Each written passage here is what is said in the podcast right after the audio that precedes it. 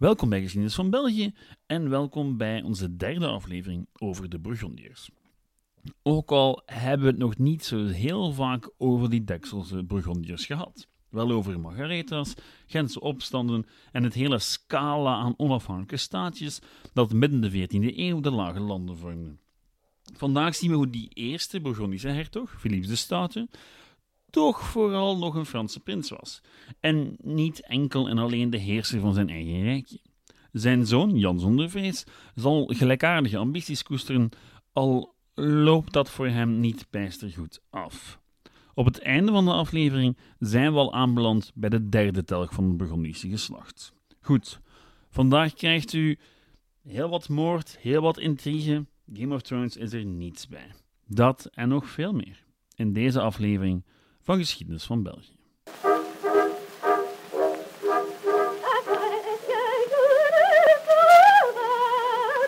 Goed, mijn vakantie zit er voorlopig weer even op en dus krijgt u de komende weken de ontbrekende drie afleveringen in ons reeksje over de Burgondiërs. Beginnen doen we met Philips de Stoute. We hebben ondertussen al meer dan genoeg context gegeven en dus kunnen we eindelijk eens gaan kijken hoe Philips over zijn gebieden en die van zijn vrouw regeerde. En of we daar al de contouren kunnen zien van een apart rijkje dat zich een plaats probeert te veroveren tussen Engeland, het Duitse keizerrijk en Frankrijk. Kort antwoord: ja en, en nee.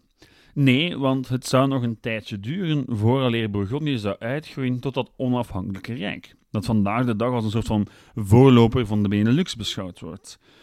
Tegelijkertijd ook ja, want je ziet wel degelijk de zaadjes van dat latere rijk. Al zitten we nog ver van het Bourgondië uit uw droom. U weet wel, het prachtige verhaal van paleizen, fazanten, grootse feesten enzovoort. Dat is in de eerste plaats het verhaal van Philips de Goede en voor volgende week. De eerste twee generaties van Burgondische hertogen hadden ook wel grootse feesten, maar zij hielden zich vooral bezig met Frankrijk. In tegenstelling tot de derde hertog, Philips de Goede, die in de eerste plaats met zichzelf bezig was en zijn eigen rijkje. En hoe we van die eerste twee tot die derde zijn geraakt en wat er allemaal veranderde in de tussentijd, wel, dat is het onderwerp van deze aflevering. Oké, over naar die eerste hertog, Philips de Stoute. Die ging onmiddellijk na zijn inhuldiging als graaf van Vlaanderen met een razende vaart van start. En wie goed oplet, die ziet al snel de eerste zaadjes van die sterke Burgondische stad. En uh, ja, dat mag je bijna letterlijk nemen. Want die Philips, die weet wel hoe hij zelf aan een groot deel van zijn macht geraakt is. Door middel van een goed huwelijk. Een goed politiek huwelijk vooral. En dus ziet hij zijn kinderen ook onmiddellijk als pionnen in het politieke stel. En hij had heel wat pionnen tot zijn beschikking. Margaretha van Malen en hij kregen maar liefst tien kinderen. Een zeer mooi getal. En al zeker als je weet dat er vier meisjes en drie jongens de volwassen leeftijd wisten te bereiken. En dat zijn uitstekende percentages voor de middeleeuwen, waar zelfs in adellijke families een groot deel van de kroost niet ouder werd dan tien. Zwat, Philips oudste zoon Jan werd uitgehuwelijkt aan Margaretha van Beieren. Jawel, nog een Margaretha. Bij wie goed heeft opgelet in de vorige aflevering, gaat nu misschien al een lichtje branden. Want ja, van Beieren, was dat niet de familie die in deze tijd heerste over het graafschap Holland en het graafschap Henegouwen? Oh, jawel, inderdaad. En daarbovenop werd een van de zussen van Jan, nog een Margaretha, uitgehuwelijkt aan Albert van Beieren, die op dat moment regeerde als regent over Holland en Henegouwen.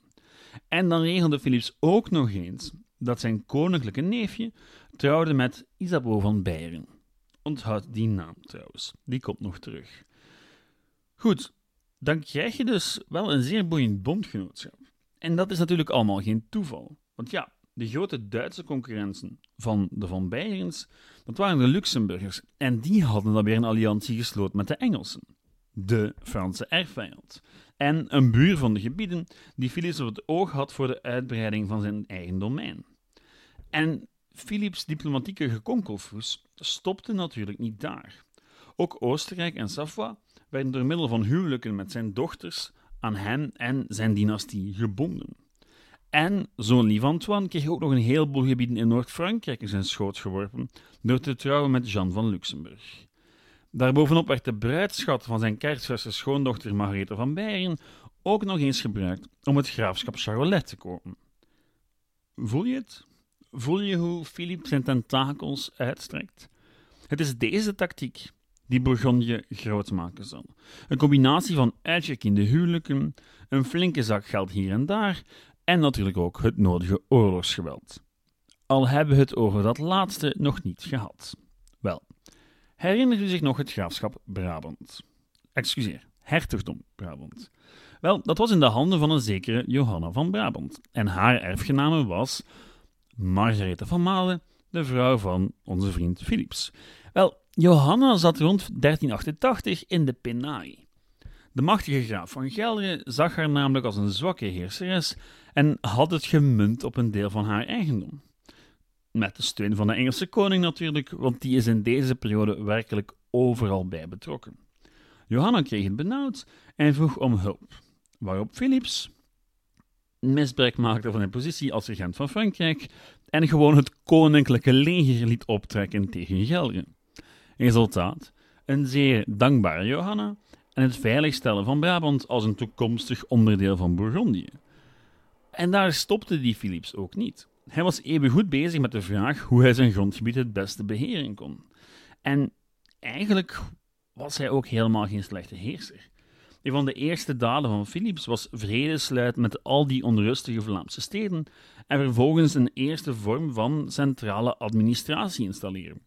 Voor zijn gebieden in het noorden in Rijssel en zijn gebieden in Bourgondië zelf in Dijon.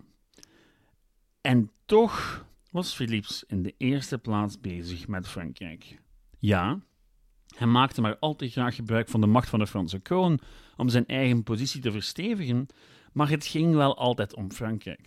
Hij moest machtig zijn, hij moest veel land hebben om mee te kunnen spelen in het politieke spel in Parijs. Philips en zijn zoon Jan waren de eerste plaats nog altijd vazallen van de Franse koning en zouden zich bezighouden met het wel en wee van de Franse kroon. En ja, dat had natuurlijk alles te maken met Philips afkomst, want hij was nu eenmaal een Franse prins.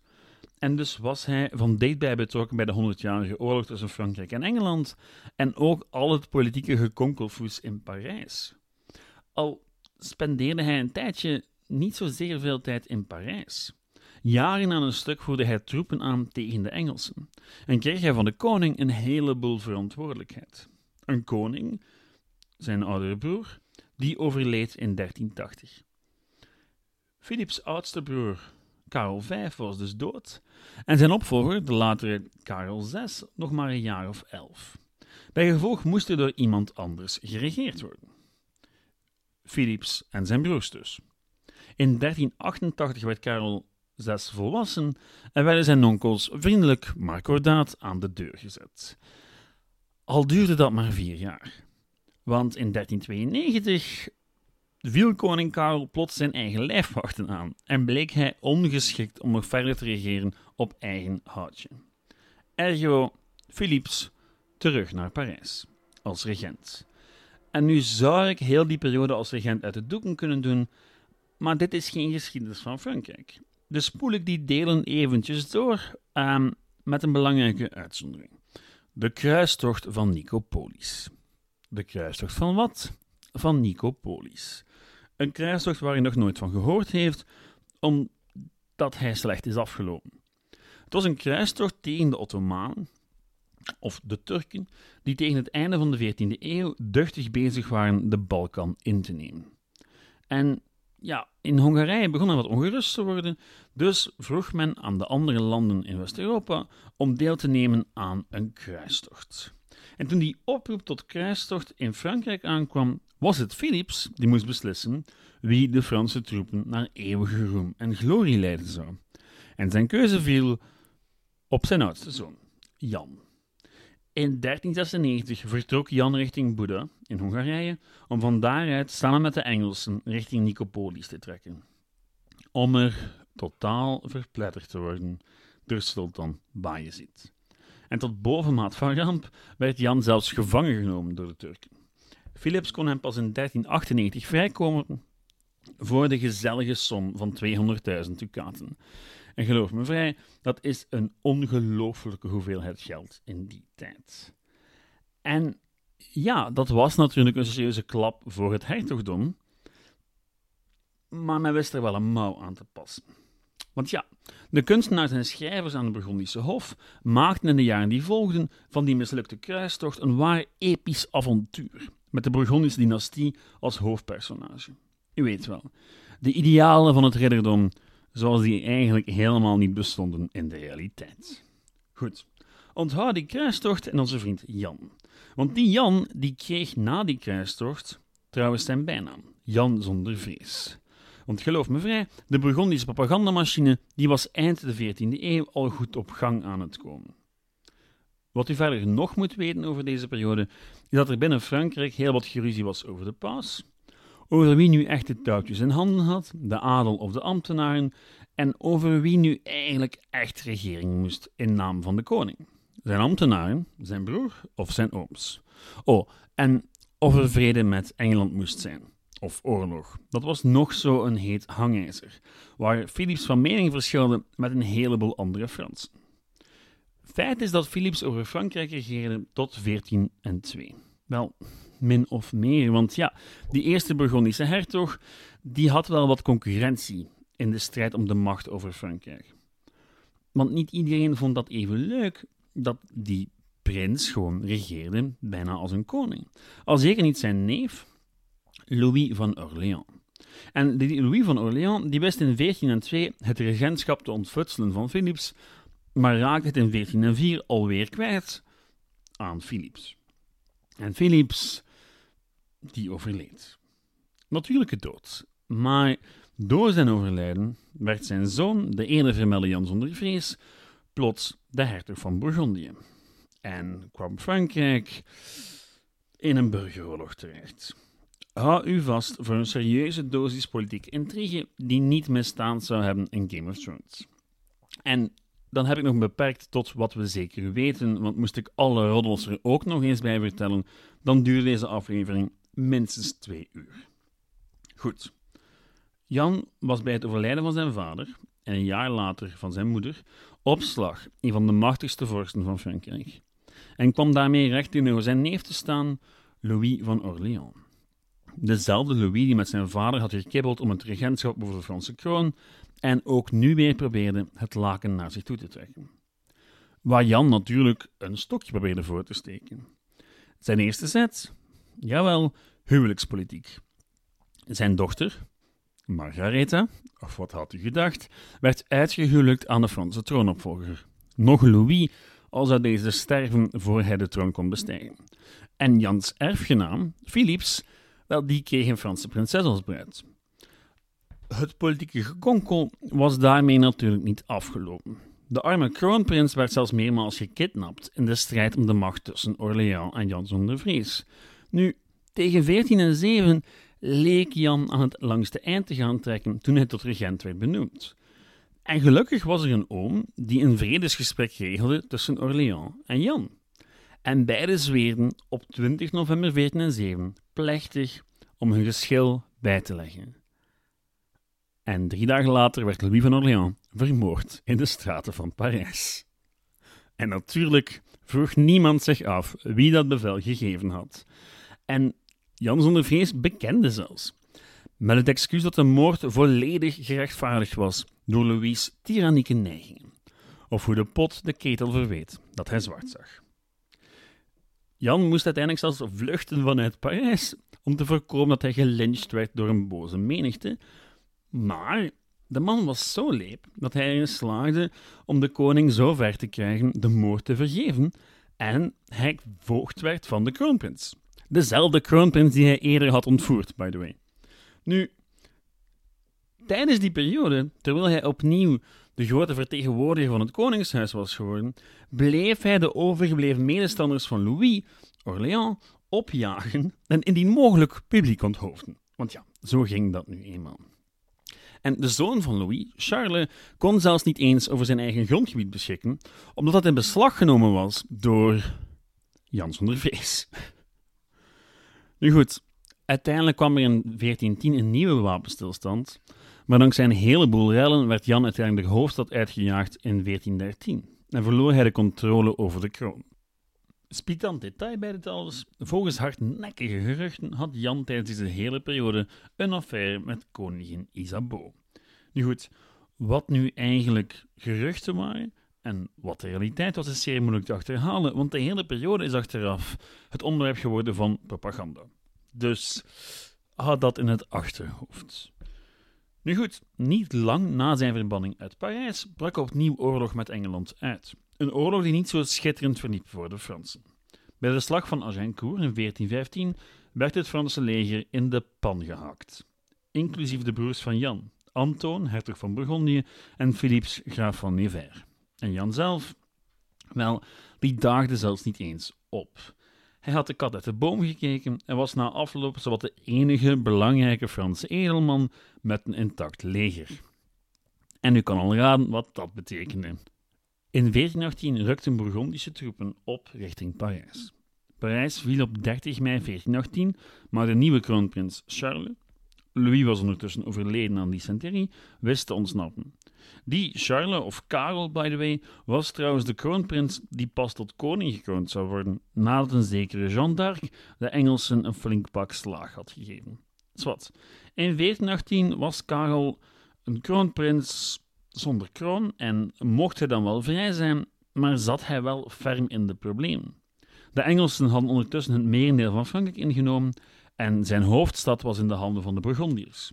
Vrede werd voorgesteld en omdat een eerste ontmoeting niet voldoende was gebleken, kwam er een tweede. Op een brug bij Montereau. Altijd handig, zo'n brug, voor gevoelige politieke ontmoetingen. Elke partij kon naar een kant van de oever van de rivier reizen en dan ontmoetten de onderhandelaars elkaar in het midden van de brug, zodat iedereen de boel in de gaten houden kon.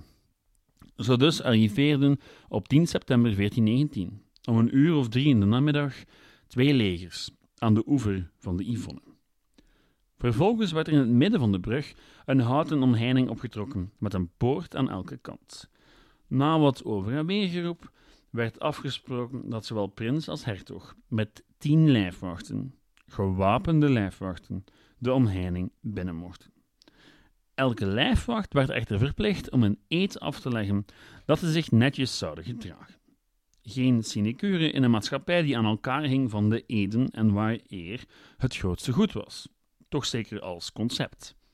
Het duurde een tijdje eer iedereen de situatie veilig genoeg achtte, maar om vijf uur in de namiddag gingen beide delegaties de houten poorten door en keken prins en hertog elkaar eindelijk in de ogen.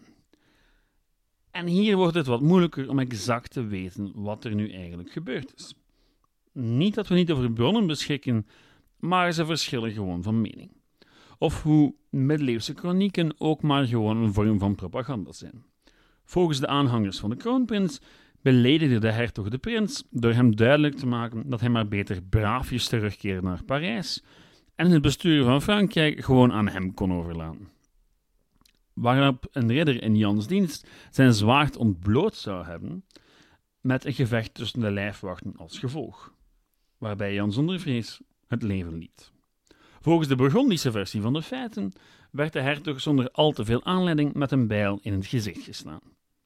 Wat er ook van zij, de hertog was niet meer. En de dauphin beweerde dat hij er allemaal niks mee te maken had, maar daar geloofde eigenlijk niemand iets van.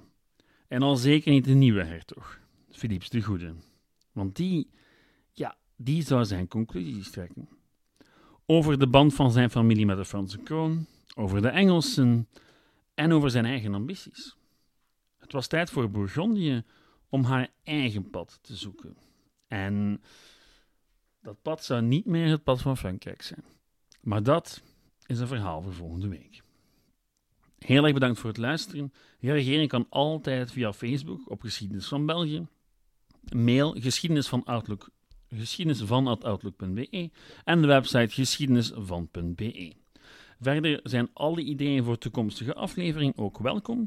Ik zal het komende jaar waarschijnlijk ook wat afleveringen doen die niet over België gaan. Dus als u daar suggesties over hebt, zijn die ook zeer welkom. Tot de volgende. Ciao!